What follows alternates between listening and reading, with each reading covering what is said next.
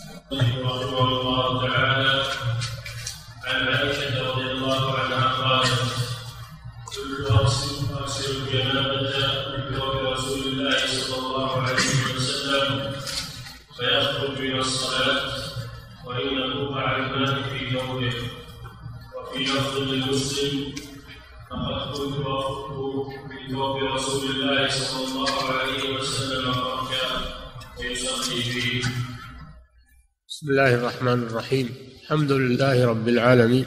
صلى الله وسلم على نبينا محمد وعلى آله وأصحابه أجمعين.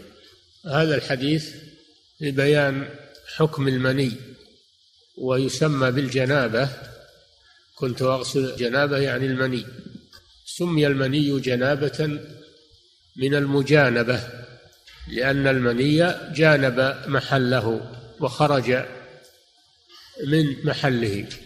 فهذا الحديث يدل على مسائل.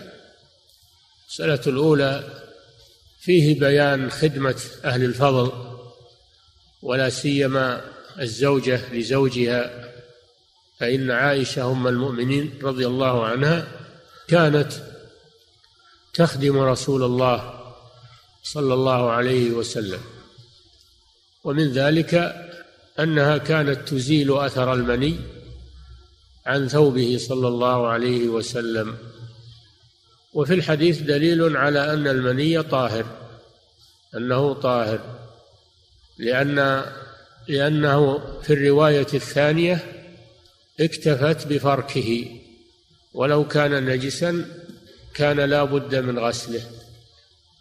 فالاكتفاء بفركه إذا كان يابسا يدل على طهارته فهو مثل البصاق والمخاط. يكتفى بفركه وإزالته. وأما غسلها إياه فهذا إذا كان رطبا. وهو من باب النظافة. من باب النظافة لا من باب غسل النجاسة. فالمني فالمني طاهر لكن إن كان رطبا فإنه يغسل.